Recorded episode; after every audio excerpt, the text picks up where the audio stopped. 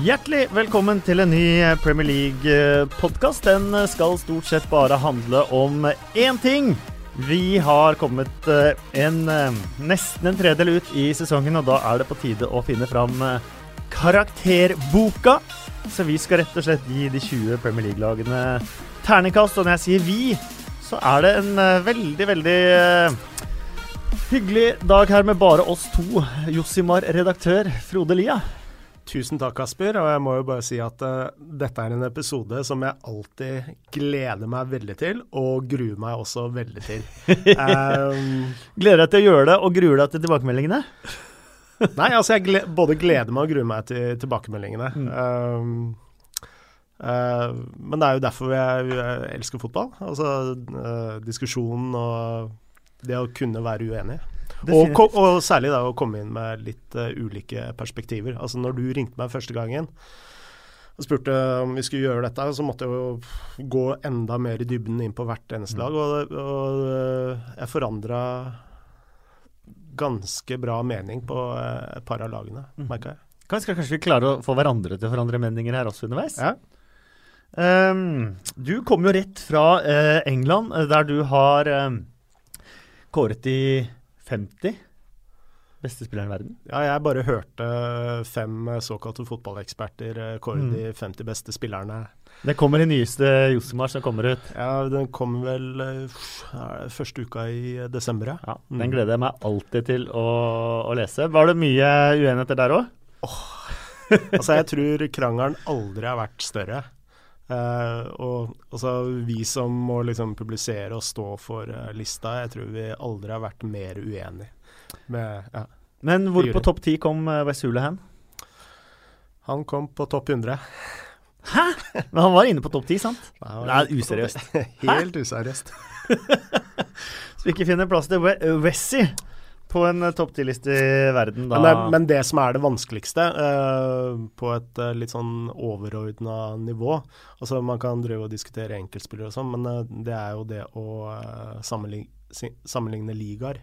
Mm. Um, og tidligere så har liksom Premier League har kanskje fått litt for mye pepper på de listene våre, men i år så er Premier League på vei opp. Mm. Mm. Som i resten av resten av de europeiske turneringene vi har sett med engelske lag eh, denne, denne sesongen. Og egentlig over tid så har jo de blitt gradvis bedre.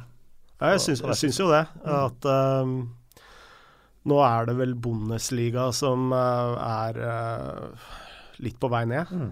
Um, og Premier League altså, har alltid vært blant de desidert beste ligaene, men nå er liksom toppnivået betraktelig høyere enn mm. det det var for fire-fem år siden, mm. etter min mening. Ja. Mm. ja. Jeg tror ikke du er alene om å mene, mene det. Eh, vi tenker vel kanskje at vi begynner med, når vi triller terningen, å trille en eh, ener. Ja. Eh, det er jo de lagene da Utgangspunktet for terningkastene er jo ikke hvor de ligger på tabellen. Nei. Utgangspunktet for terningkastene er jo forutsetningene, eh, forutsetningene og forventningene eh, før, før, sesongen. Så um, så når vi triller ternekast én, da, så, så, er jo det de lagene som har kanskje skuffet oss, uh, oss mest, da. Skal jeg komme med mine forslag? Uh, ja. Altså, ja. Crystal Palace ja. har jeg som en god nummer én. Uh, Westham ja. har jeg også som en god nummer én. Det er de to du vil gi ternekast én? Ja. ja. Det er jeg helt enig med deg. Crystal Palace skulle ta et uh, nytt steg denne sesongen. Ansatte uh, Frank de Boer. Uh, han fikk fire kamper, null poeng. ansatte Roy Hodgson. Etter det har de fått én seier, én urge. Nå har de fire poeng på de, på de neste sju kampene.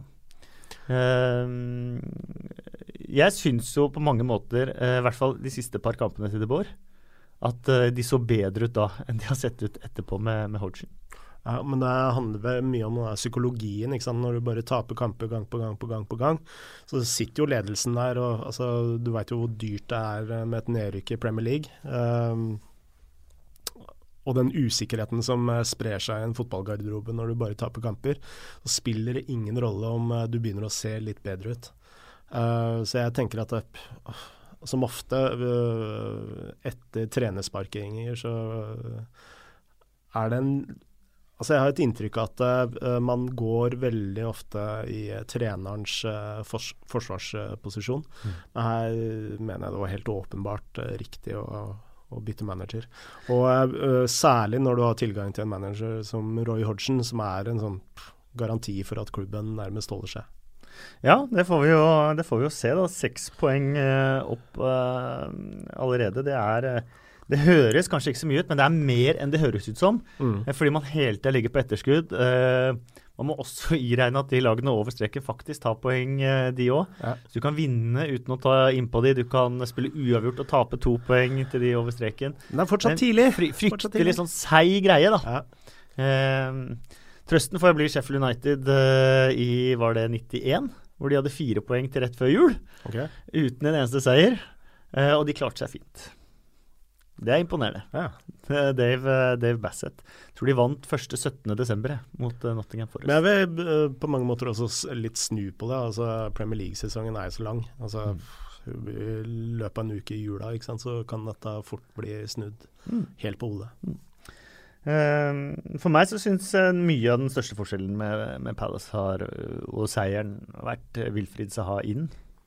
Ja, han, han uh, var jo ikke med i kampene til, uh, til De Bora, Han skadet seg vel i første kamp. Ja, ja altså det, det, er jo også noe man uh, kan ta med i beregningen når man bedømmer be, De Bor.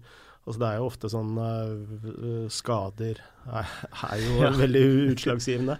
Men samtidig så Spørsmålet er da OK, om De Boer hadde kunnet fortsette, sa tilbake i troppen.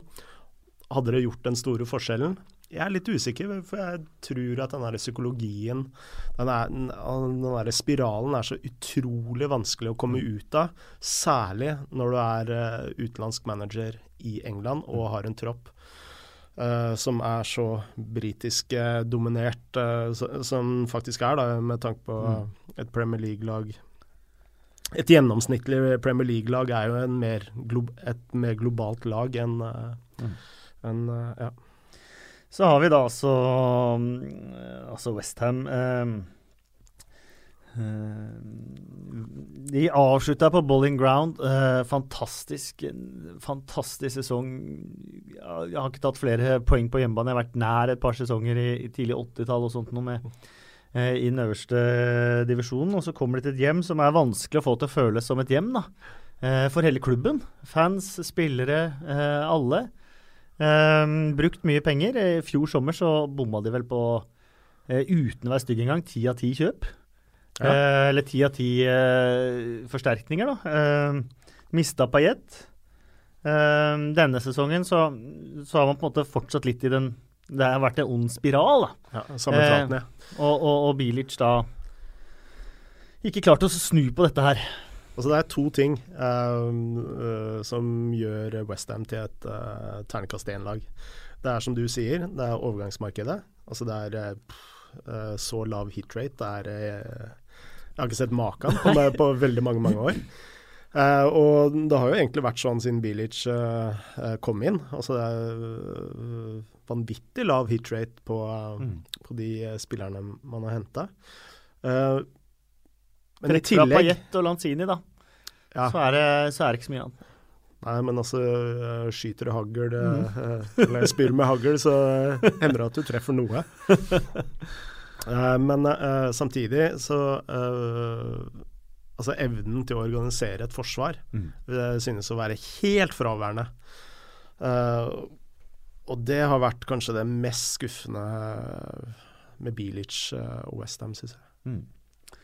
Eh, så er det jo da eh, spennende da med, med, David Moyes, Alan Irvin og Stuart Pearce.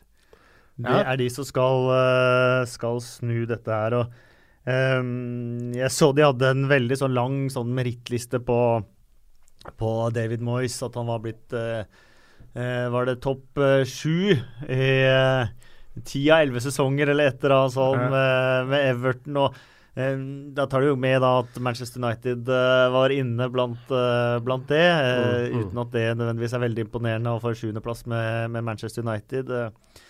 Og det slår meg som en, som en, spiller, nei, som en manager som nå, eh, Sunderland eh, var vel kanskje aldri sterkere de siste sesongene før sesongstart enn en i, i fjor sommer. Mm. Og det gikk skikkelig gærent. Mm.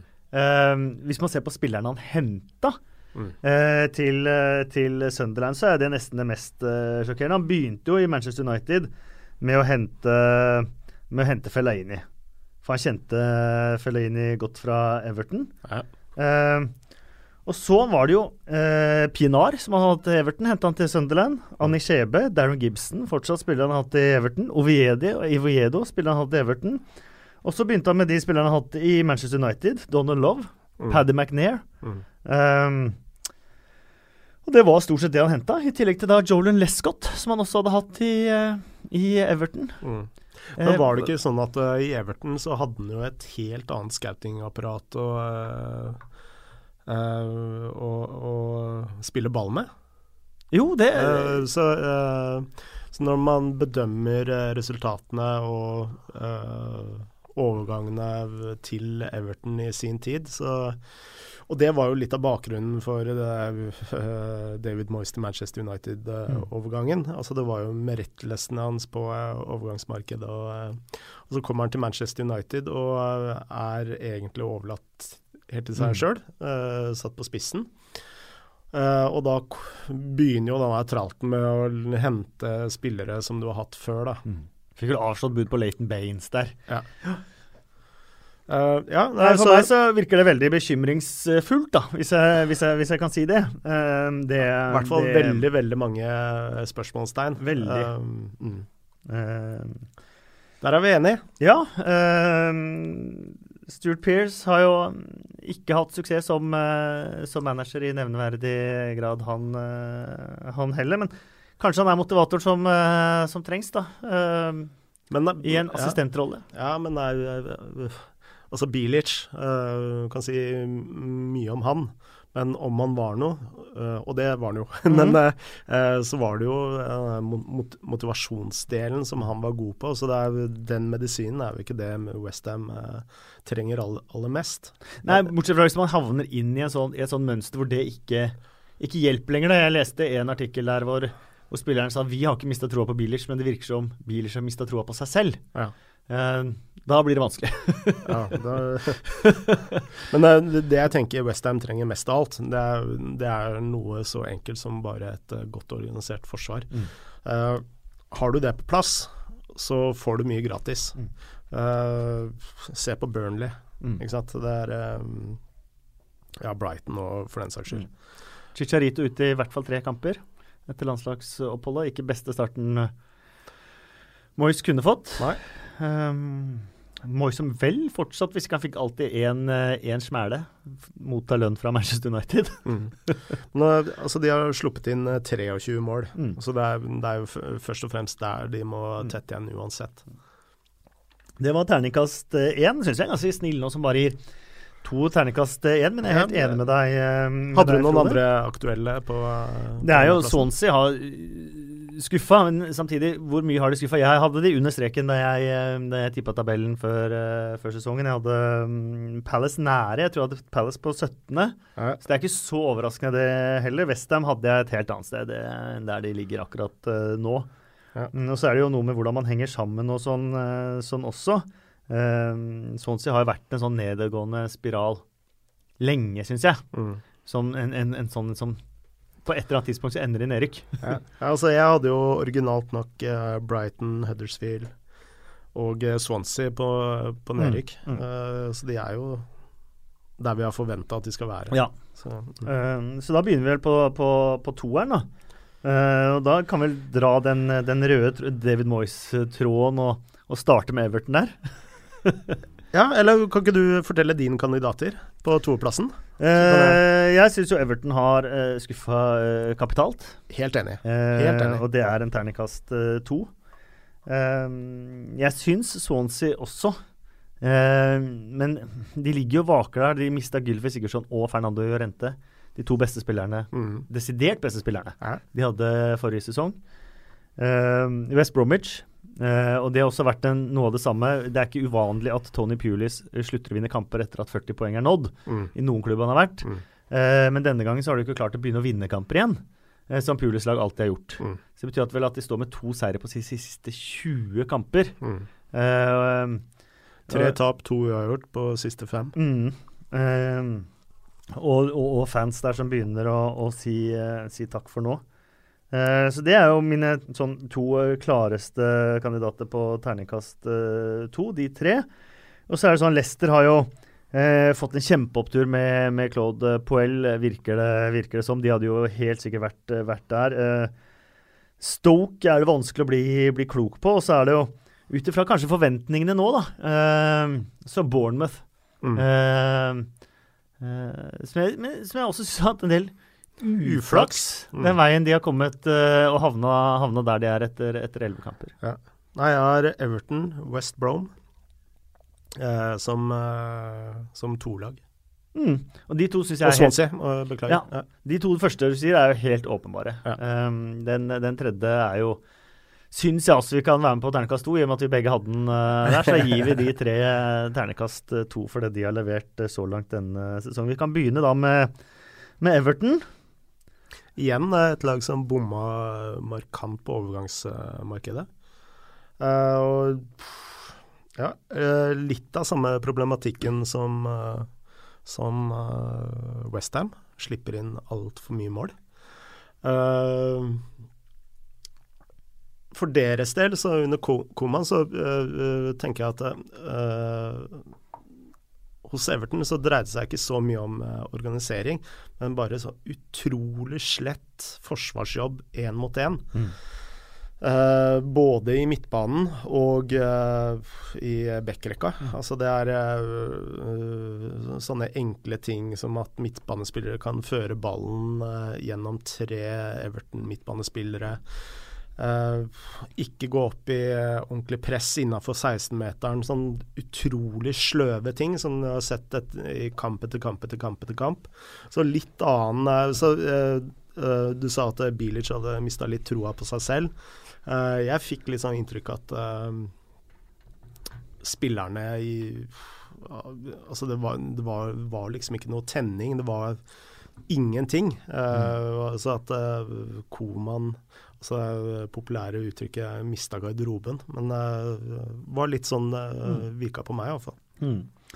Um, David Unsworth har tatt uh, over tømmene så lenge. Vi hadde jo egentlig regnet med en avklaring på managersituasjonen i løpet av landskamppausen. Sist gang, uh, sist podkast uh, vi var i studio sammen med Erik Thorstvedt, så vi snakket om en britisk manager. Det var kanskje medi medisinen. Så, ja.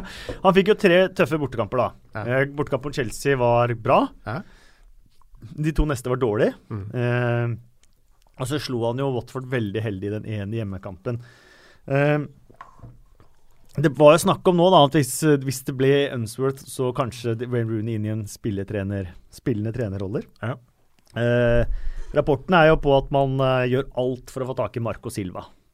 Okay. Eh, man skal ha tilbudt åtte millioner pund til eh, Watford, som prøver å stå imot, for å få Marco Silva.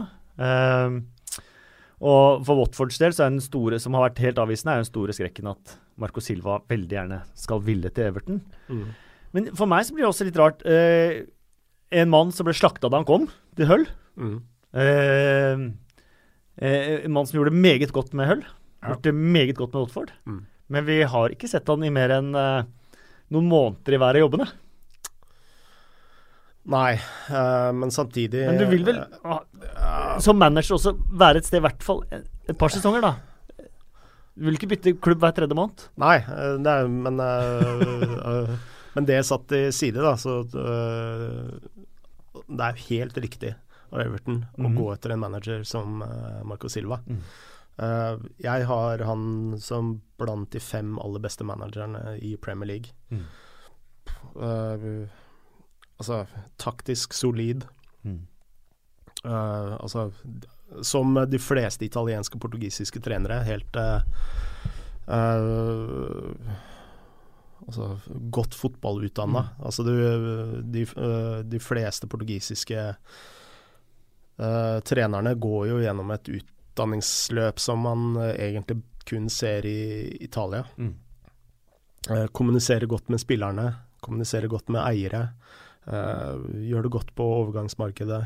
Uh, han tikker av, av, så mange bokser, uh, så at uh, Everton går etter han er pff, helt naturlig. Farad Moshiri, som da er den mannen som har kommet inn med penger, som er veldig på Marco Silva etter rapportene. Dette her har jeg ingen eh, innsideinformasjon på. Jeg, eh, det på Twitter, jeg, ja, jeg ja. går etter det jeg har, har, lest og de rapportene som kommer ut fra. Mens Bill Kenwright er litt mer kanskje av den, av den gamle skolen. Det er de to, uh, de to sjefene i klubben. Moshiri er den med, mm. med, penger, uten at det viser at penger nødvendigvis er resepten på, på alt uh, godt. Uh, Uh, men det, det, det, som er, det, det, som er med Everton, er jo det er en klubb det er utrolig lett å like. Mm. Uh, det er en klubb der det gror altså så godt. Det kommer opp den ene unggutten etter den andre fra eget akademi. Mm. Framtiden burde vært så lys at solbriller omtrent ikke var nok. og så har man havna i det uføret her mye fordi man har brukt penger helt feil. Ja, eh, og da er jo spørsmålet eh, hvordan eh, entre Altså, sånn jeg kan bedømme fra Everton, da, så de har liksom et Hva er det man kaller det? Backoffice, mm. som er second to none. Som du sier, er et av de bedre akademiene i, i England. Altså, da legger jeg også inn i ligningen at de faktisk gir akademispillerne en sjanse mm, på det. det ja. det er jo en del av altså Du kan jo nevne Manchester City-akademiet og Chelsea som ja. er fantastiske, men når du ikke får sjansen på A-laget, så er det, da er det jo meningsløst. Mm. Uh, så uh,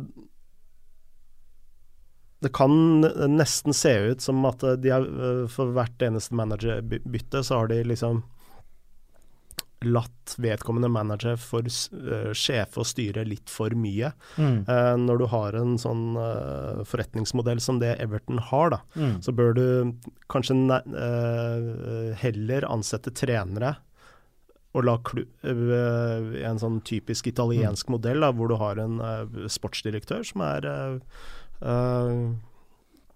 ansvarlig for, for rekruttering, og så har du en trener. Mm. Uh, så jeg tror kanskje det er noe av nøkkelen til uh, Everton fremover. Mm. Mm. Um, West Bromwich var vi så vidt uh, inne på. Um, fansen begynner å gå lei, litt sånn som de gjorde i Stoke også. Ja. så det er, hvor lenge skal man være takknemlig for en mellom 10. og 14. plass, og når tenker man at man skal ta neste steg? Og når tenker man at man forventer noe mer enn bare de resultatene som kreves, uh, og når forventer man å bli underholdt. Uh, posisjonen de ligger nå, så er jo er det nesten ingen andre jeg heller ville hatt enn Tony Pulis, fordi at jeg vet at i hvert fall spiller Premier League neste sesong. Ja. Uh, men man kommer jo til et metningspunkt der nå, og når resultatene i tillegg da ikke kommer, da begynner man å få et problem. Ja, altså, det, det, det, er jo som du sier, da. Altså, det er en spillestil som krever resultater for at mm. du skal få et uh, uh, godkjent stempel av både fans og eiere. Fordi uh, altså i resten av fotball England og fotballverden så er det jo liksom store, stygge andungen. Mm. Bare ett men, mål på dødball, da. ja, og så, altså slipper de inn mål på dødball òg. Mm. Det er jo ja. kanskje det mest, mest utrolige. Det gjør for, for øvrig Burnley også. Mm. men det som er faren for West Brom, det er jo at Tilbake til den der garderoben, da. Når også spillerne begynner å gå, gå lei. Mm. Og jeg tror ikke det er mange tap før dette begynner å bli ganske bra murring. Og, så kan tenke deg at når du setter elleve mann ut på banen, skal det ikke mer enn to-tre spillere som ikke yter 100 pros i Premier League mm. før du er um, uh, før du er kjørt. Mm. Uh, og det kan fort skje med et par uh, dårlige resultater til. Og da er det og den der, som vi snakka om tidligere, den der spiralen som bare går kjappere og kjappere og kjappere nedover. Mm. Og da er det fare på ferde for West Brom. Definitivt. det var Everton, Swansea og West Bromwich. Terningkast to. Er det sånn at man skal ha lydeffekt? To, to, to. um, Da har vi kommet på terningkast uh, tre. Um, det, da er vi fortsatt inne på de som har uh, skuffa litt. Ja. Men hvor det er positive ting definitivt å se. Vi, Her har vi ganske mange. Ja. Bournemouth var jeg veldig på De kan ikke få mer enn tre. Eh, eh, og det er en liten klubb. Eh, det fins nok av tippeligaarenaer som er større enn eh, Dean Court eller eh, Vitality Stadium, er det det de Hva er det eh, kaller det? publikums var 14 11. 11? Drøyt 11. Eh, eh, men, men uflaks både med skader, med resultater hvor de har vært gode. Eh, Mm. Det jeg syns er superpositivt med Bournemouth, er jo Uh, uansett hva slags smeller de måtte gå på, uansett hvilket, uh, hvor, de, hvor de kommer inn i, i uheldige rekker eller hva som helst, så er Eddie Howe 100% tro både mot seg selv og sine spillere og sin spillestil. Ja. Og det synes jeg det, det tror jeg er resepten for å komme seg ut av sånne ting òg. Ja, jeg er helt enig. Og jeg syns jo at eh, de har eh, på mange måter spilt bedre enn det tabellsituasjonen uh, Så forhåpentligvis så kommer det til å jevne seg litt ut for eh, Bournemouth. Og så har de en eh, slags sånn Altså de har en eh, velbalansert spillestil, da. Mm. Eh, som gjør at eh, du kan eh, ta plutselig litt, eh, litt poeng eh, på begge sider av tabellen. Mm. Eh, jeg vil også gjerne ha inn begge Puel-lagene der. Eh, Southampton og Leicester. Eh, på terningkast tre. Ja, det som har skuffa meg mest med Southampton, det er jo altså hvor få mål de skårer. Og det var jo grunnen til at de sparka Puel. Mm. Eh, de fikk en sjuende- og åttendeplass Mm. i forrige sesong. Ligacupfinale. Uh, isolert sett meget bra, men i og med at jeg hadde hatt den sesongen med Koman sesongen før, så det lurer jeg på om kravstorheten tok litt overhånd. Ja. Puel begeistra ingen spillere, Nei. og han begeistra ikke noe publikum. De gikk vel fem-seks kamper uten mål på hjemmebane der, og selvfølgelig er det blytungt. Mm. Uh, men kanskje var ikke det bare Puel sin skyld, når man ser at det er nøyaktig de samme problemene med Pellegrino. Gabbiadini, hvor mange mål har han skåret? Tre? Tre eller fire. Ja. Litt sånn i Hadde jo to i den ene mot uh, Westham. Og så han, det går jo han Long har vel ikke skåra på eh, kanskje 15 år. Nei, ikke sant. Så det er ikke bare Gabbiadini, men eh, det er jo hele angrepsrekka Mm. som eh, ikke pro produserer mål. Nei. Eh, Det er mange som frustrerende gode spillere. Bofal, som hadde den fantastiske matchvinnskåringa mot West Bromwich. Ja. Men det er eneste målet han har på over 20 kamper. Nathan Redman, litt av det samme. Ja, Mi- Men samtidig så jeg føler de kommer til Altså de kommer til nok målsjanser til å skulle kunne skåre mer. Mm. Uh, Men det er jo liksom kvaliteten på målsjansene også, da. Ja. Det er lett å regne, regne, regne, målsjanser, men jeg har hatt noen lag som som- nei, men, nei, nei, du Ja. misforstår meg rett. Fordi altså, Ser du på statsen, så har du jo ganske sånn low, uh, low uh, sjansestatistikk. Mm. Men når jeg ser kampene, så tenker jeg at eh, her burde det jo liksom vært et mål eller Ja. to til. Mm. Eh, med tanke på press og kontringer og sleivspark og, og spesielt uh, Long er, har liksom hatt et par sånn skikkelige brølere Mm. som uh. Nei, men det er en solid organisasjon. Et godt lag. Solid fundament. Ja. Jeg tror jo for så vidt de har en god manager òg. Men de må begynne å levere mer enn de har gjort. Og Leicester begynte jo da fryktelig med Craig Shakespeare, men det var ikke så veldig mange sjansene han fikk. Nei. Etter det kjempeopptur med Claude Puel, nok en av de utenlandske managerne som blir slakta av det britiske ekspertkorpset Ja. når han blir ansatt. Men den ansettelsen der synes jeg så veldig logisk ut da han kom. Eh, Kan jeg spørre om en annen ting? Ja. Romeo, hva syns du om han? Ja, jeg vet at det har vært en gammel favorittspiller av deg i mange år. eh, Jeg han- jeg er veldig skuffa. Ja, Ja. eh, samtidig så gjør han jo den jobben han skal gjøre der. Ja. Og den syns jeg han gjør ganske bra òg. Ja. Eh, og jeg syns han har vokst seg til å bli en ganske stor spiller i hjertet av det laget, da. Eh, og så kanskje har han ikke nådd opp til det potensialet man kanskje så da han kom fra La Masia, og han debuterte vel for Barcelona også eh, så vidt før han dro til Chelsea. Ja. Eh, men, men, eh, men det han har gjort over flere sesonger i Southampton der nå, det syns jeg han er en veldig god mann i den rollen. Ja. Men jeg, jeg tenkte at han skulle bli mer eh, Hvilket ord skal jeg bruke? Eksepsjonell, kreativ. Mm. være den derre Nå spiller han jo dypere på banen, da, Mm. men eh, at han eh, skulle være litt mer sånn nest Litt mer Alonso. Mm. Uh, Strø om seg med Ja. de gode langpasningene. og- Ja, helt der har han jo ikke vært. Nei. Så ja. Eh, men Puel uh, har fått resultatet fra, fra start. Jeg tror det er en eh, veldig veldig dyktig mann som fikk ødelagt litt rykte i Southampton. Litt ufortjent, Mm. rett og slett. I hvert fall ødelagt litt rykte i England. Ja. Jeg tror fortsatt han har veldig godt rykte utenfor England. Mm. Uh, Jeg tror han er veldig riktig, uh, riktig mann med et Leicester-lag som selvfølgelig har mye gode spillere, men som har overprestert, og som må også stikke fingeren litt i jorda. Er vi laget som vant ligaen og som skal være med å kjempe i toppen, eller er vi et lag som fortsatt skal være fornøyd om vi havner på tiendeplass? Men uh, når vi snakker om Leicester, da altså, uh, altså Du kan ikke snakke med Leicester eh, om Leicester uten å nevne Kante, selv om det er en god stund. Eh, altså vi, vi ser på Leicester fortsatt som det Premier League-vinnende laget Mm. som de var. Men tar du Kante ut av det laget, så Kanté var, eh, og det ser du på Chelsea òg nå, hvor, eh, hvor, eh, Hvor han er ute, ja. Ja, hvor utrolig savna han er i, Ja. i det laget. Og det, han er faktisk den eneste spilleren nesten jeg har sett noen gang som, som, som regnes som to.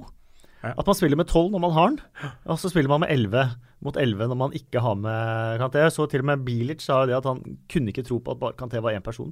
Fordi at han var overalt på banen, og at han var helt sikker på at han spilte mot tolv stykker. Ja, men møtte- møtte altså, han gjør en sånn der jobb som Altså, når du ser en kamp, da, så legger du ikke så godt merke til eh, Men når dere viser høydepunkter og Mm. gjør analyse på noe, så bare ser du denne arbeidsradiusen. Ja, Helt ekstrem.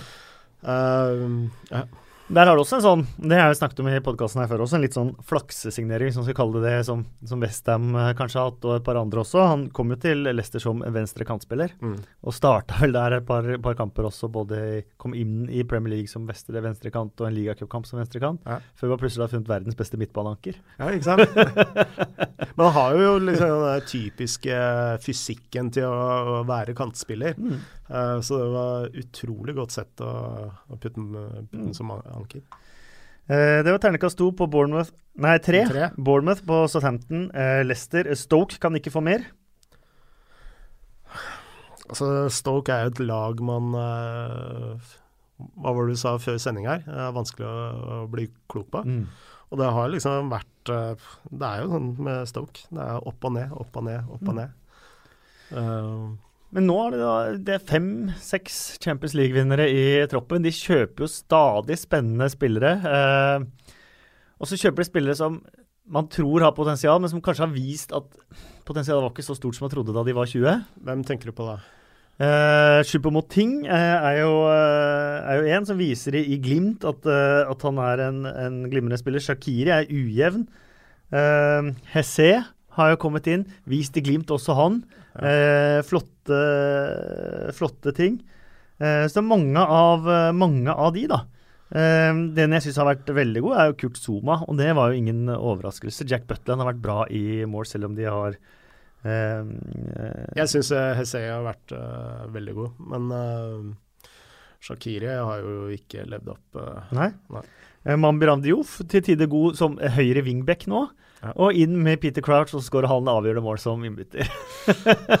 Blir jo glad hver gang Crouch eh, eh, Jeg vil påstå at han er en av mine favorittspillere i Premier League, både også fordi han er den personligheten han er utenfor. Morsom på Twitter. Veldig morsom på, på Twitter. Og Ja. alltid ærlig siste, siste intervjuet da han kom inn og skåra 2-2 nå. Var jo fortsatt sånn. Ja, er du en superinnbytter i impact, impact player? Nei, jeg er fortsatt like skuffa når jeg må starte en kamp på benken. Men uh, med Stoke, da, uh, så er det sånn Altså Med Westham så er det ve- sånn veldig klart på liksom, hva de må ha på plass Mm. for at de skal gjøre, uh, gjøre det bedre. Med Stoke uh, så er det ikke så klart. Uh, for det som gjør de gode når de er gode, det er samtidig det som gjør de dårlige når de Mm. er dårlige. Men også der også kan man si at resultater kanskje ikke har, har fortalt hele sannheten i, i, i flere kamper. Og det både da de slo Arsenal, eh, hvor egentlig Arsenal kjørte dem fullstendig, Mm. og i kamper de, eh, kamper de har tapt, hvor de kanskje skulle, skulle hatt med seg mer enn de har fått eh, helt fra serieåpninga borte mot, eh, mot Everton, hvor det ikke var noe dårligere enn Everton. eh, I hvert fall. Så det Eh, helt enig med deg. Det er vanskelig å liksom si, men de, de, jo tok jo det valget, da. Mark Hughes har hatt lang tid. Mm. Han har hatt tid nok til å kunne sette sitt lag, sin spillestil, sin formasjon. Eh, og kanskje er ikke potensialet noe, noe høyere i den klubben enn enn der de ligger, ligger, nå. Men det er vanskelig for å gi de noe mer enn et ternekast tre. Nei, men hvis jeg bare skal si én ting som jeg syns de mangler, Altså, de har jo uh, altså Når du nevner spillere som Hesey, uh, Shakiri osv., så, videre, så, så er det jo sånne typiske spillere som du uh, tenker har uh, god fart, mm. teknikk og sånn. Men uh, det jeg savner mest Stoke, det er faktisk fart i mm. angrepsrekka. Uh, altså, Jesse han beveger seg raskt med ballen i beina. Mm. Men det er ingen som eh, Eller ingen, det, ingen er veldig kategorisk, ja. men det er ingen som truer bakrom. da.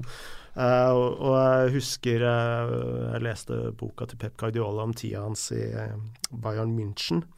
Så ser jeg litt av den samme problematikken Pep Guardiola hadde i Bayern München. Det er at Stoke skal være et såkalt ballbesittende lag. Mm men de blir bare balltrillende. Mm. Og det uh, blei også Bayern München. Så det, uh, og det frustrerte Pep Guardiola. Mm. Og da skrev han opp på tavla at uh, ballbesittelse uten gjennombrudd er ingenting. Mm. Og det er litt sånn uh, uforløst, da. Det er sånn uh, nærmest litt sånn tantrasex. Ja. du skal bare liksom Uten å få ja. Så det er ja, men du eh, skjønner hva jeg mener? Ja, eh, jeg tror det er en... første gang Stoke har blitt sammenlignet med akkurat, akkurat det. altså den si, nest siste pasningen mm. i bakrom mm. uh, sånn Shakiri han skal bare ha ballen i beina, mm. uh, sammen med Hessey. Mm. Istedenfor å gå i det bakromsløpet mm. som du ser uh, Manchester City, da, for å gjøre en sammenligning. Mm. Alltid er på Du har jo ja, mm. alltid løp i bakrom. Helt enig. Uh, Ternekast tre. Newcastle United. Newcastle er jo også altså, Ser du på tabellsituasjonen, så, så, er det eh, et rart ternekast. Det er helt enig. Nyopprykka ligger på 11.-plass etter eh, elleve eh, kamper. Ja. Ser du også på egentlig hva de har gjort etter de tapte de tre første kampene for sesongen? Var det to eller tre de tapte først? Kom i hvert fall dårlig i, uh, dårlig i gang, så er det kanskje også rart. Uh, jeg syns de har fått i overkant betalt i de kampene de har fått resultater. Jeg syns det er noe veldig grått. Noe Skaper nesten ingenting. Skaper lite. Ska uh, går av med null mål mot Brighton hjemme, går av, nei, mot Bournemouth hjemme. Går av med null mål mot Burnley borte. Så er det en sjøvill Chevley på uh, ja. midtbanen. José Lu ja, syns jeg lå i kortene at det var et dårlig spisskjøp. Har levert akkurat som forventa. Ja. To mål. Det ene ble skutt i beina inn mot Liverpool. Altså, uh, det som er uh, Altså med Benitez, altså du veit jo akkurat hva du får. Uh, formasjon, struktur, disiplin til en viss grad. Men det som har vært i Benitez lag tidligere, er at han alltid har hatt to, kanskje tre spillere som har uh, gjort det kreative, mm. som har gjort at laget, f.eks. Alonso i, mm. i, i, Liverpool, uh, altså Real Madrid, så hadde du en hel bråta, uh, Napoli osv. Mm. Um, men i Newcastle så har han jo ikke det. Nei. Og hvis du tar bort uh, all kre kreative, alle kreative spillere fra et Benitez-lag, så får du jo nærmest et uh, Tony Pulis-lag. Ja, og det, jeg, har jo sagt det tidligere, men hvis man ser spiller for spiller, så syns jeg nesten Newcastle og Brighton ser ut som de har de to dårligste stallene spiller for spiller. Mm. Uh, så kanskje jeg er urettferdig mot uh, Newcastle, men jeg hadde forventa mer, og det handler jo kanskje da mest om manageren. men hadde de slått da Bournemouth i den siste kampen, så hadde de hatt 17 eh, poeng, hvert med helt eh, ja, jeg, Hvis du har lyst til å korrigere mitt terningkast trekast, så, så, skal du få lov til det, Frode. For jeg, den, den, vaker. Jeg er usikker på den, jeg må innrømme det. Uh, men jeg uh, må jo legge til uh, eiersituasjonen i Newcastle. Mm. gjør jo at man Altså, det er jo en frustrerende situasjon for Benitez òg. Ja, eh, nå Eh. blir det jo kanskje ordnings, da, med Ja. salg av, av klubben. Ja, men det er altså Mm. nå, eh, nå har det jo gått elleve kamper. Ja. eh, og gått eh, langt inn i situasjonen, så Det kan jo bli spennende i januar, da, hvis de plutselig har masse penger å bruke til på spillere. Ja, Rafa Benitez klager jo alltid, det gjorde han jo i Liverpool, og alltid klager på at han eh, får for lite penger til å kjøpe. ja, ja, altså, Tenk om han jo- får de pengene han vil ha. Ja, ja. det er han og Conte. Det er han og Conte. Eh, Har du flere som du ville hatt gitt terningkast tre, eller? ja, det har jeg. Og det er Ja, det har jeg eh, òg, faktisk. Jeg har en til. eh, Arsenal. Mm. Mm. Det var den jeg også satt med. Altså, snakk om å underprestere. Mm. Snakk om å underprestere. Uh, Det er jeg helt enig i. det er Eh, litt sånn vanskelig eh, Hvor skal man begynne? ja, og hvis man skal ta utgangspunktet til Arsenal, da. Mm. Uh, og det har vært utgangspunktet til Arsenal i mange, mange år. Mm. Eh, nå er jo utgangspunktet enda bedre i og med at stadion og sånt, de betaler ikke så mye på den lenger. og sånt nå. Men det er altså en, en klubb med de tradisjonene de har, med det laget de hadde, eh, med den økonomien de har, i eh, Englands hovedstad, eh, som burde være med å kjempe om ligamesterskapet så å si hver eneste sesong, ut ifra forutsetninger. Mm.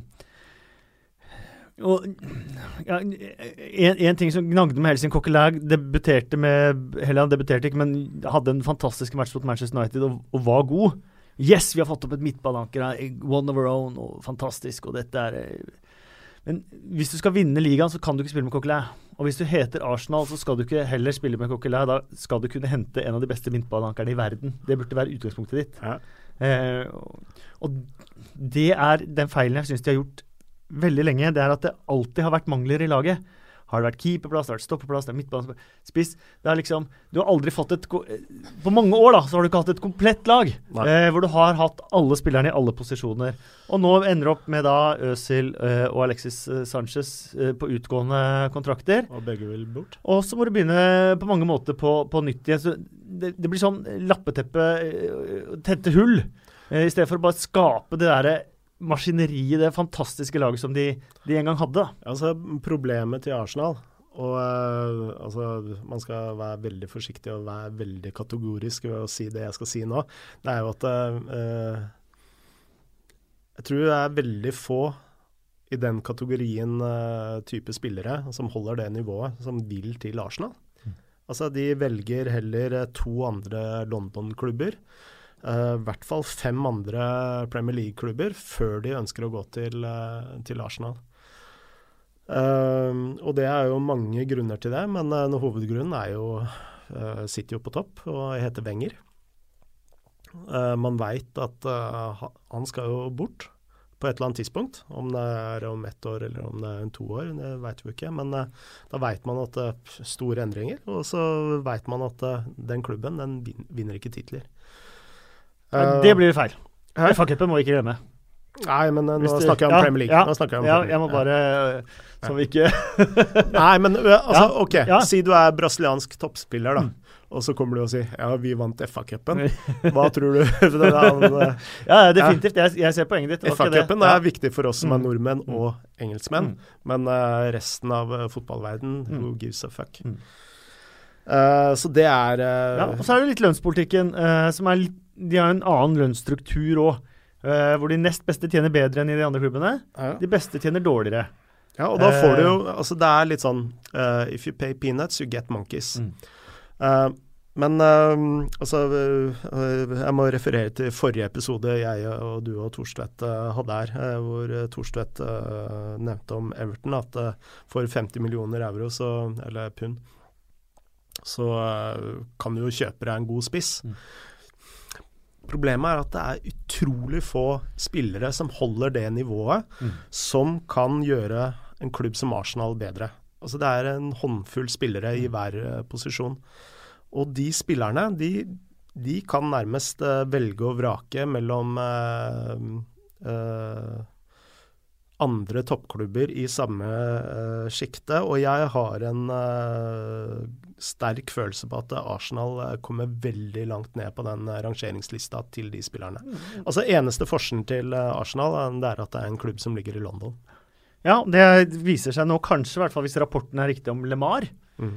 der de var nære å få LeMar i sommer. Ja. Men i og med at han har fortsatt å være god, så er det noen andre klubber på banen, og da ser kanskje Arsenal at nå får de ikke LeMar likevel i januar, f.eks.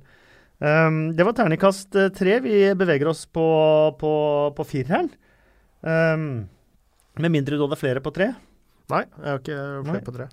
Uh, på fireren, der har jeg lyst til å hente inn eh, Huddersfield. Ja. Uh, de har levert bra, men de har ikke levert så bra som veldig mange skal ha det til. Eller som noen skal ha det til. Eh, jeg syns de har eh, imponert. De er solide hjemme. Der er det bare ett tap på, på seks eh, kamper. De har jo hatt litt medvind i i noen kamper eh, også. De har eh, godt organisert, organisert, god keeper. eh, og gjort det veldig bra. Jeg ville ikke satt alle pengene mine på at de overlever denne sesongen i Premier League likevel. Nei, det som er litt bekymringsverdig, er at de skårer veldig få mål. Mm. Altså De har ved åtte mål på elleve kamper. Ja, eller fem mål på de ti kampene etter ligaåpninga. OK, skjønner. Ja, de vant jo 3-0 i den første. Ja. Så det er, det er jeg helt enig med deg. Så ja. øh, Men samtidig, altså de øh, står med 15 poeng, og det er utrolig god start. Eh, Ja, og ut ifra forutsetninger der også, så, så er man kanskje streng med, med, med fireren, men jeg er ganske fast bestemt på at det er en firer. altså. Neste firer. Ehm, da vil jeg gjerne ha inn eh, Liverpool. Ja, der er jeg uenig. Mm. Du er litt i eneren, eller? Nei, Jeg, vet du vil opp, faktisk. Dette snakka vi om. Ja, uh, altså, når vi snakka, snakka sammen først, så hadde jeg faktisk Liverpool på en uh, trepoenger. Uh, men så pff, så jeg et par høydepunkt fra en del kamper eh, tilbake. Så på eh, terminlista. Altså, de har møtt uh, Hvor mange blir det? Altså, de har vel møtt alle topp tre-laga pluss Arsenal. Ja, Mm. Uh, det har de i hvert fall. De har jo De har hatt eh, Watford eh, borte. Utrolig vanskelig kamp. Mhm. Eh, 3-3. Uh, så jeg syns jo at uh, altså, de står med 19 poeng. Uh, møtt eh, Det er vel bare Chelsea de ikke har møtt uh, fram til nå. Mm. 19 poeng med det kampprogrammet. Det syns jeg er Sluppet inn flest på bortebane i hele Premier League, da. Jo, og man kan si mye om forsvaret til, til Liverpool. Man må huske på at altså fire av måla kom mot Tottenham. Uh, 3 mot Watford, uh, som de klarer å hanke inn uh, ett poeng. Men samtidig må du huske på at uh, Liverpool har en type spillestil som uh, Altså, Riktignok har Jørgen Klopp har moderert seg veldig fra den treneren han var i Borussia Dortmund. Så det er et uh, mer balansert Liverpool-lag enn det vi har sett av noe Jørgen Klopp-lag tidligere. Men likevel så eh, er det et eh, lag som eh, baserer seg på å skåre masse mål. Og det ser du også i overgangsvinduet. Altså, det er jo angrepsrekka de har liksom valgt å, mm. eh, Og pff, da er det jo greit. Altså, hvis du ser for deg å skåre tre-fire mål hver kamp, da er det OK å slippe inn to mål, tre mål også. Så det er, det er selvsagt differansen Ja. som uh, utgjør. Ja. Eh, det som kan eh, Det som er ankepunktet mitt mot Liverpool, mot å gi de en femmer, som kanskje bør eh, gjøre at de er et firerlag, det er jo eh, det er jo veldig kritikkverdig at de ikke har klart å forsterke forsvarsrekka si. Ja, det er det. Og jeg syns balansen også At de ender opp med Midtbaneforsvaret eh, syns jeg også ofte ikke gir Forsvaret mye trøbbel, da. Ja. Og det at de også fortsatt ikke stå med en keeper som kan eh, matche topplagene. Ja. Eh, du har eh, De Gea, du har Loris, du har Courtois. De har ingen keepere på det nivået. Ederson virker også til å være en toppkeeper. Vi har jo bare sett han i elleve kamper. Og det, det, For meg så virker det også merkelig at man ikke, ikke klarer å, å, ta, å adressere det, da. Ja, nei, altså det, det er i hvert fall skal vi se, 12-13 klubber som har bedre keeper enn Liverpool. Mm. Uh, så det er jeg enig i. Men uh, Ja, skal vi gjøre et kompromiss, da? Ternekast fire? Ja, vi Eller ja. ja. Eller uh, eh, Ja, hvem har du flere har du på fire? Nei, Brighton, er det fire-fem? Nei, jeg har Brighton som, eh, som fem. Jeg har det faktisk, jeg òg. Ja. Man prøver å gi deg noe vi kan være uenige om her, men eh, Ja, jeg, kan være, jeg kan godt være med på tankegangen din på, på, på, på Liverpool, men da, Jo, da, jo, da blir det jo hei. veldig strengt med Arsenal på tre, da. Eh, De har lik målforskjell, like mange poeng. Eh, forutsetningene ikke så uh, forskjellige. Uh, laget med mye av de samme manglene, både Arsenal og Liverpool. Ja, nå, Eh. nå, argumentet mitt for uh, Liverpool på fem, det er jo i hovedsak terminlista. terminlista. Uh, men jeg har et uh, lag til på fire, Ja. og det er eh, Manchester United. Å ja. Så der kommer uh, Twitter-beefen Ja. min. Så du skal ta imot fra Manchester United-fans mens jeg er fra Liverpool? Nei, men jeg tror Manchester United-fansen er ganske enig. Ja. Altså, OK, de har verdens beste keeper, no doubt. Ja. Altså, jeg har sluppet inn fem mål. ja, ja, Men- den diskusjonen mener jeg burde være død. Ja, Han er, er verdens beste keeper. Han er verdens beste keeper. Ehm, og uh, de slipper inn få mål. Ok. Men hva skjer hvis du tar ut eh, Pogba ut av det laget? Mm. Da er de Burnley. Da er det, da er det et Ja. Burnley-lag. Altså, det er helt strippa for, uh, for kreativitet. Altså, det er ingenting. Og jeg tenker at den annenplassen til Manchester United, den er, den, altså, den er avhengig av Pogba.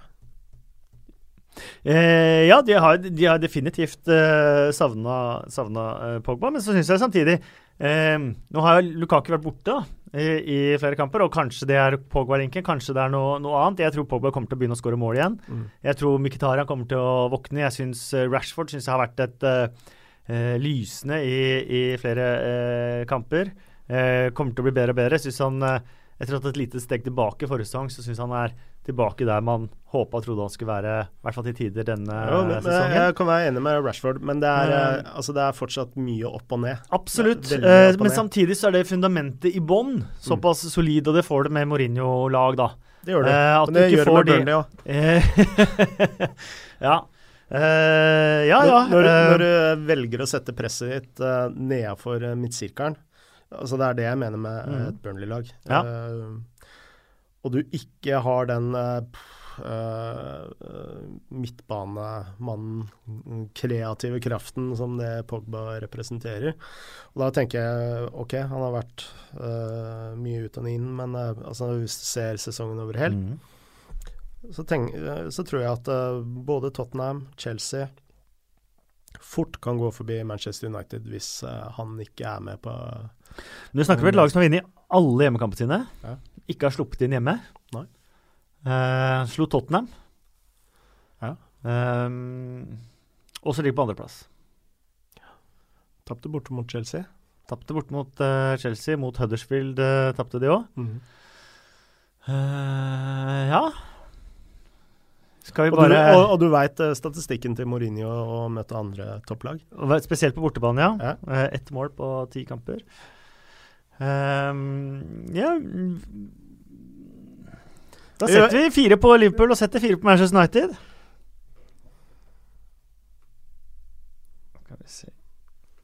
Da er vi enige om det. Det har ingen, ikke noe verdi, dette vi, vi sitter og vurderer her nå, hvis vi ikke setter uh, haka litt fram. Nei, nei, nei. Det er, altså, eh, herregud, jeg bare, jeg bare logger meg av Twitter eh, to uker, jeg da. Så det går helt fint. Ja, men du har argumentert veldig godt for terningkastet, terningkastet ditt, så Men uh, samtidig, så uh, når jeg nevner Manchester United, da Altså det er uh, Hvis du tar Manchester United i fjor og i år, så det er jo en framgang. absolutt. Absolutt en framgang. Og jeg tror ikke de er ute av kampen om ligamesterskapet. Problemet med ligamesterskapet er jo om hvor mange poeng Manchester City kommer til å tape, og når de kommer i en dårlig steam, og hvor lenge den da eventuelt varer. Jeg tror ikke det heller. Uh, nei, nettopp. Det er ikke garantert nei. at det kommer til å skje heller. Uh, jeg er jo fortsatt Men det, for meg så forutsetter det Pogba. Ja. Ja. Uh, så da får vi bare håpe, da, Manchester United-fans, at Pogba snart er tilbake. Uh, har du noen flere på terningkast fire? Vi har Huddersfield, Liverpool, Manchester United. Chelsea ligger jo og vaker der da, da. Eh, med tanke på For de hadde jeg Jeg skulle akkurat til å si ja, For de hadde jeg mer si som en firer enn Manchester United, uh, det jeg satte meg ned med her. Og det ja, kommer jo ikke bare av Det kom jo av For det første at de var kjempegode, men det kom jo mye av den støyen som har vært rundt Chelsea også eh, til nå i, eh, i, sesongen, som på en måte ikke er eh, sunn i det hele tatt. da. Nei, altså uh, Nei, altså Når vi ender opp med Liverpool og Manchester United på terningkast fire, så er det jo rart å ikke ha Chelsea der òg. Mm. Uh, så da slenger vi, slenger vi, Chelsea inn der. Jeg ser det er mange som roper på i Italia, da, på Conte som uh, italiensk landslagssjef etter Ventura, Ventura nå. Uh, og det er jo vært mange som har sagt at de tror ikke Conte kommer til å sitte i Chelsea spesielt mye lenger. det har vært mye støy rundt. Mm. Uh, jeg tror ikke Conte syns det er så stas å ta Italia igjen med tanke på at det er tre år til neste, neste mesterskap.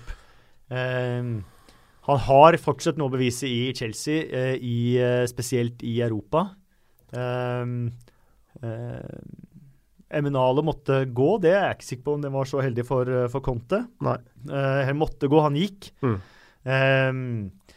Så det er usikkerhetstegn rundt eh, Chelsea. De har hatt noen eh, meningsløse tap. De har hatt kamper som, som, ikke har vært, vært, bra nok. Samtidig så har de vist også at toppnivået fortsatt er der det var i forrige sesong i, i enkeltkamper. Ja, altså, men tenk deg, altså de, de, har jo, de har jo ikke Kosta lenger. Nei. men bare tenkte jeg at vi ikke intuitivt begynte å diskutere. Mm. At de har, eh, som noe riktig har de også gjort. Mm, definitivt. Eh, de har jo eh, truffet ganske bra blink på Morata. Mm.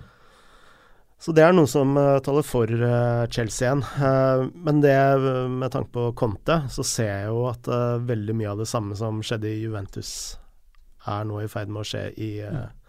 I, i Chelsea. Altså det evinnelige maset til Conte. Uh, klaging, klaging, klaging. Og på et eller annet tidspunkt så Abramovic kommer bare til å si fuck off til slutt. Uh, ja. ja. Nei, jeg er enig i det. Uh, Chelsea også inn på, på fire. En eksklusiv liten terningkast fire-klubb med Huddersfield, Liverpool, Manchester United og Chelsea. Da kommer vi opp på terningkast fem Og her. Men du, nå må jeg bare Altså, vi kan ikke ha Brighton på fem poeng da. Kan vi ikke det? Hvis du ser utgangspunktet, eh, forventninger, måten de har truffet på overgangsmarkedet eh, med flere spillere, mm. eh, og at de har en mann som heter Glenn Murray, som driver og hanker inn eh, poeng. De er fire poeng bak eh, Arsenal-Liverpool, altså. De ser jo utrolig solide ut. De ser helt ekstremt solide ut. Og deilige en, eh, engelske mål fra Murray. Altså, ja, helt, helt, ja, det kan ikke bli mer engelsk. Også Nei. Pascal Gross, som eh, Hvordan kosta han uh, under fem millioner uh, pund? er jo helt uh, sykt, nesten. Og han rykka jo ned forrige sesong med statistikken 'den som skapte flest sjanser i Bundesliga forrige sesong'. Mm, mm. sånn er litt merkelig at ingen større klubber tør å kaste seg på, da. For mm, at han er mm. definitivt store, store kvaliteter. Okay. Uh, men jeg vil, overbevist, ikke, overbevist. Nei, ja, men jeg vil ikke gi, uh, gi de, de fire, fire, poeng uten at Watford kan ikke få mer enn ternekast fire.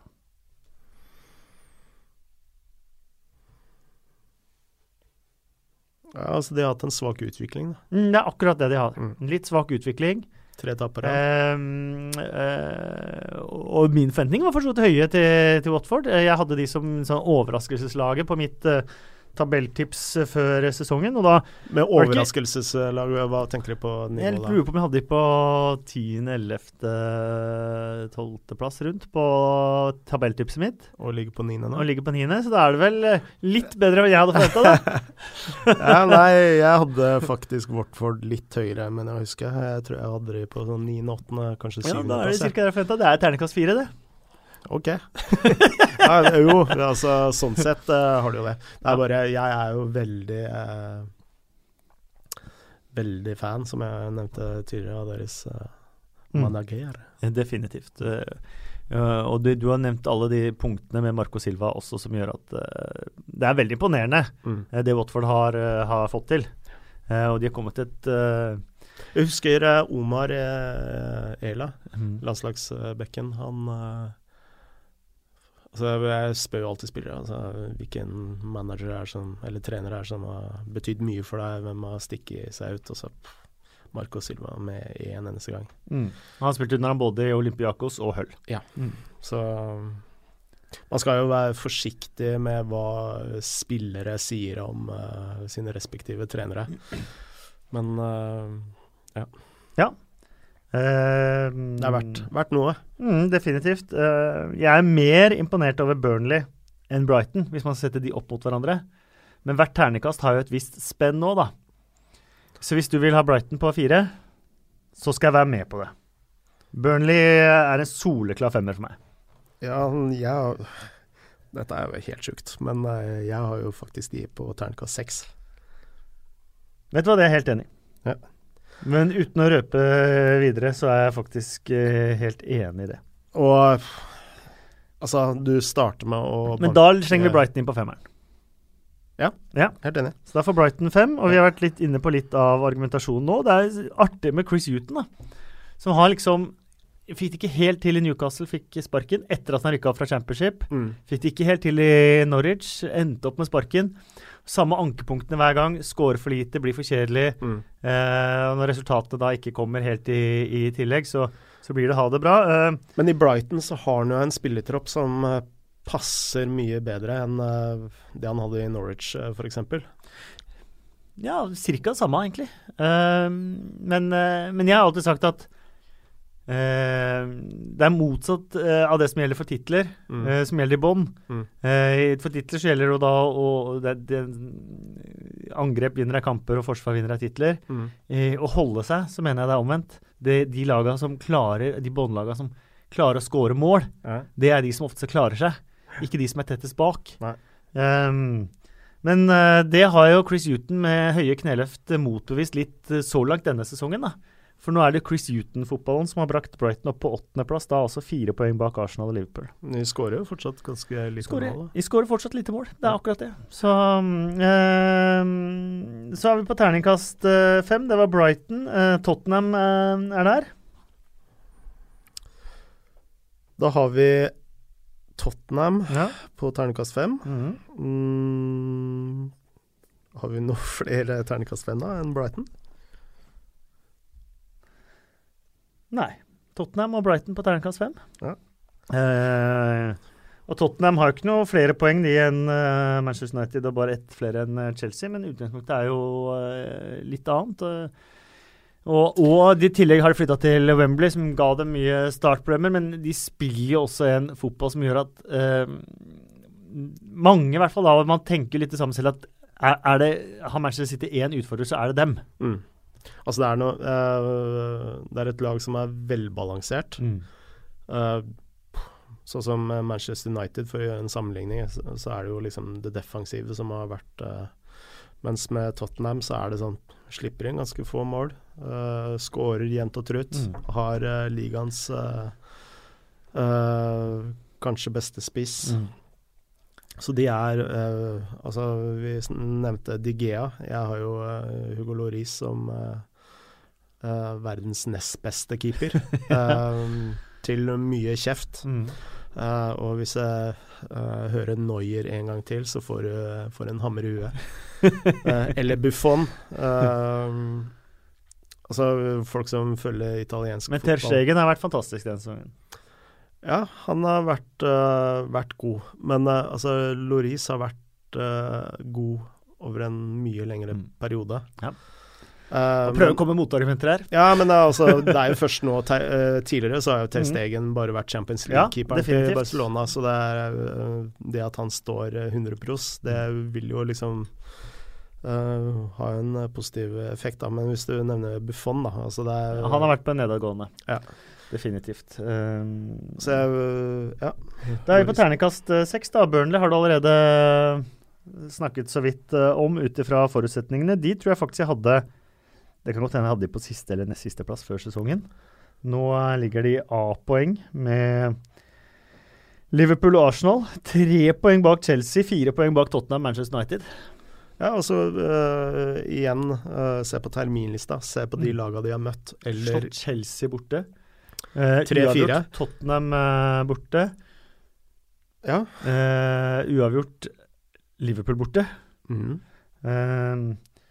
Ja, det er, helt, det er helt vilt det de har, de har fått til. Og de er ikke bare de, det er bragderesultatene borte og hjemme, men de har slått de de skal også.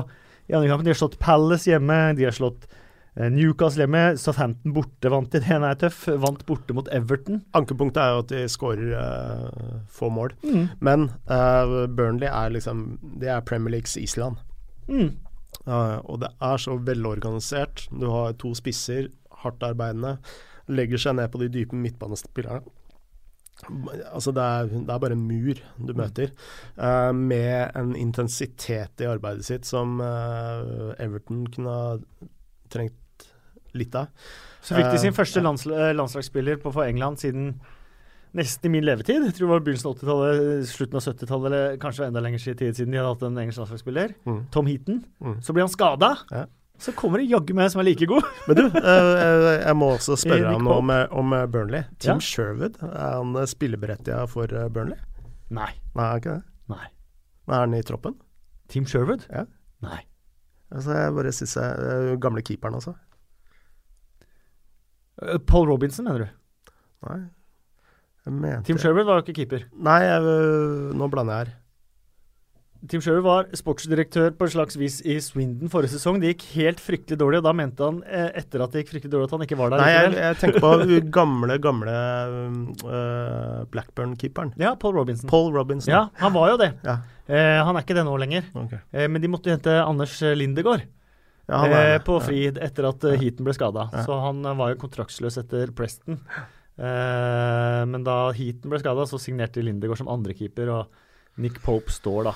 Ja. Uh, nei, Team Sherwood, der har det gått uh, andre veier. Jeg bare blanda nå. Ja. Bare blanda nå. Jeg var bare Blackburn. Uh, Sto i huet mitt. Ja. Eh, nei, Paul Robinson var. Det er helt korrekt. Ok. Ja. Eh, nei, helt enig. Uh, Burnley er terningkast uh, terningkast eh, seks. og, og med denne um, expected goal-statistikken og alle de andre statistikkene som har kommet inn, Mm. de bare tar alle de statistikkpapirene og kaster i søpla, for de motbeviser veldig mye av de, de variantene der. Det er morsomt. Ja. Og det ser ut som de syns det er morsomt å forsvare seg. Ja, altså du, eh, du ser en sånn iver som du ikke ser i, i de andre typer lagene som spiller på samme type måte, da, sånn som West Brom. Uh, ja, Everton spiller jo ikke på samme måte, da, men eh, altså, det, det er bare for meg ultimate slappheten. Da. Eh, Og så er det et lag som står igjen da. Manchester City. De kan ikke få noe annet enn ternekast seks. Alt fungerer. Ja, altså, det, det, altså de eh, Som med uh, veldig mange Pep Guardiola-lag, altså de tar fotballen til et uh, Mm. nytt uh, nivå. Og altså det er vel City under Pellegrini var, var et sånn type lag som Pellegrini er jo kanskje en som har fått altfor lite praise, Mm. tenker jeg. Men hvor de, det er bare angrep og angrep og angrep. Uh, men samtidig, når vi snakker om det, da, altså det, hele forskjellen på Manchester City i år og tidligere, uh, det har jo fire navn. Altså det er Stones, Otamendi, Fernandindo Fernandindo Fernandinho. eh, og Ederson. Mm. Altså, uh, Thorstvedt sa jo også her tidligere at det er jo ingen som har satt Ederson ordentlig på prøve. Men han er jo helt perfekt i Mm. måten eh, Manchester City spiller på. Og, og eh, både Stones og Otamendi ser jo ut som eh, million dollars. Ja, det, var, det er så interessant, for at forrige sesong så fikk jo Ota- Otamendi, nei, Stones masse kritikk, Otamendi og for den saks skyld. Ja. Eh, men man så når man kommenterte Manchester City-kamper, Ja. at hvert stopp i spillet Ja. så kalte Guardiola Stones til seg. Mm. Sto og, og sånn mikrocoacha Ja, hver altså. eneste match. Eh, og det er jo sånn du gjør spillere bedre.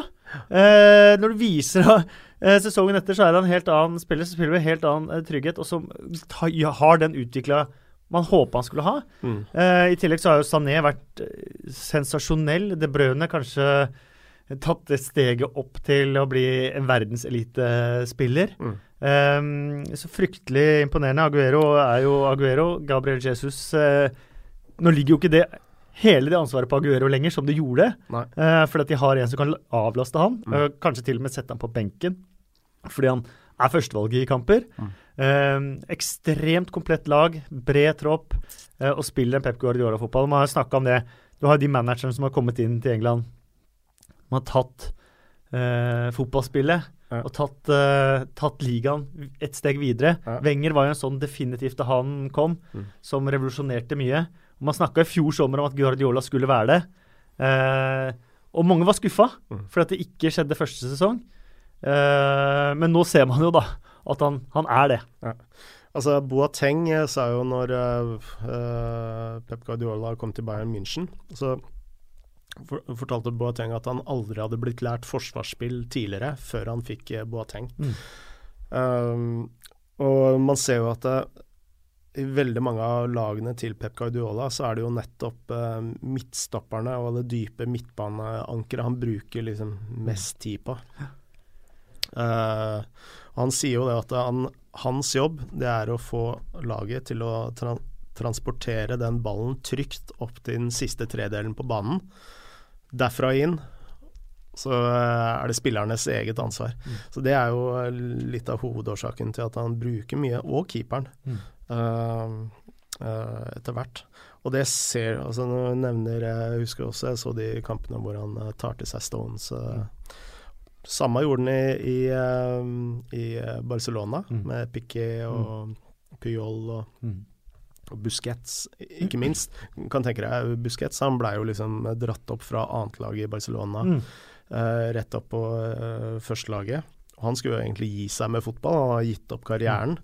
Og det og grunnen til at han eh, gjorde han det så godt Han spilte under Pep i Barcelona B òg. Ja, han, Mm. eh, så Pep eh, tok jo med både han og Pedro Mm. opp fra Barcelona B opp til Barcelona Eller A. Ja. Og, og det Pep Guardiola sa, det var jo at ok, han har aldri spilt på det nivået, og han var vel 20-21 år når han debuterte. Eh, litt seint i eh, sånn Barcelona-målestokk, men det var jo at eh, han hadde kommet så langt i, i fotballforståelsen på hvordan han ville spille fotball. Da. Og det ser jo Særlig på Stones så ser du jo at han har en helt annen spillforståelse enn eh, det han hadde i, i fjor. Eh, altså Ofte når Pep begynte å dirigere på, så var det litt sånn eh, spørsmålstegn over hodene, men nå har han eh, knekt kodene. Mange som har knekt eh, kodene. Karakterboka i Premier League den eh, ser sånn ut. Signert Frode Lia og Kasper Wikestad. Terningkast 1 Crystal Palace og Westham. Terningkast 2 Everton, Swansea, West Bromwich. Terningkast 3 Bournemouth, Southampton, Leicester, Stoke, Newcastle og Arsenal. Terningkast 4 Huddersfield, Liverpool, Manchester United, Chelsea og Watford. Terningkast 5 Brighton og Tottenham. Terningkast 6 Burnley og Manchester City. Dette var morsomt, eh, Frode. Ja, jeg, jeg må jo bare legge til. Det er ingen vits i å drive og legge meg til på Twitter, for jeg har logga neste to ukene.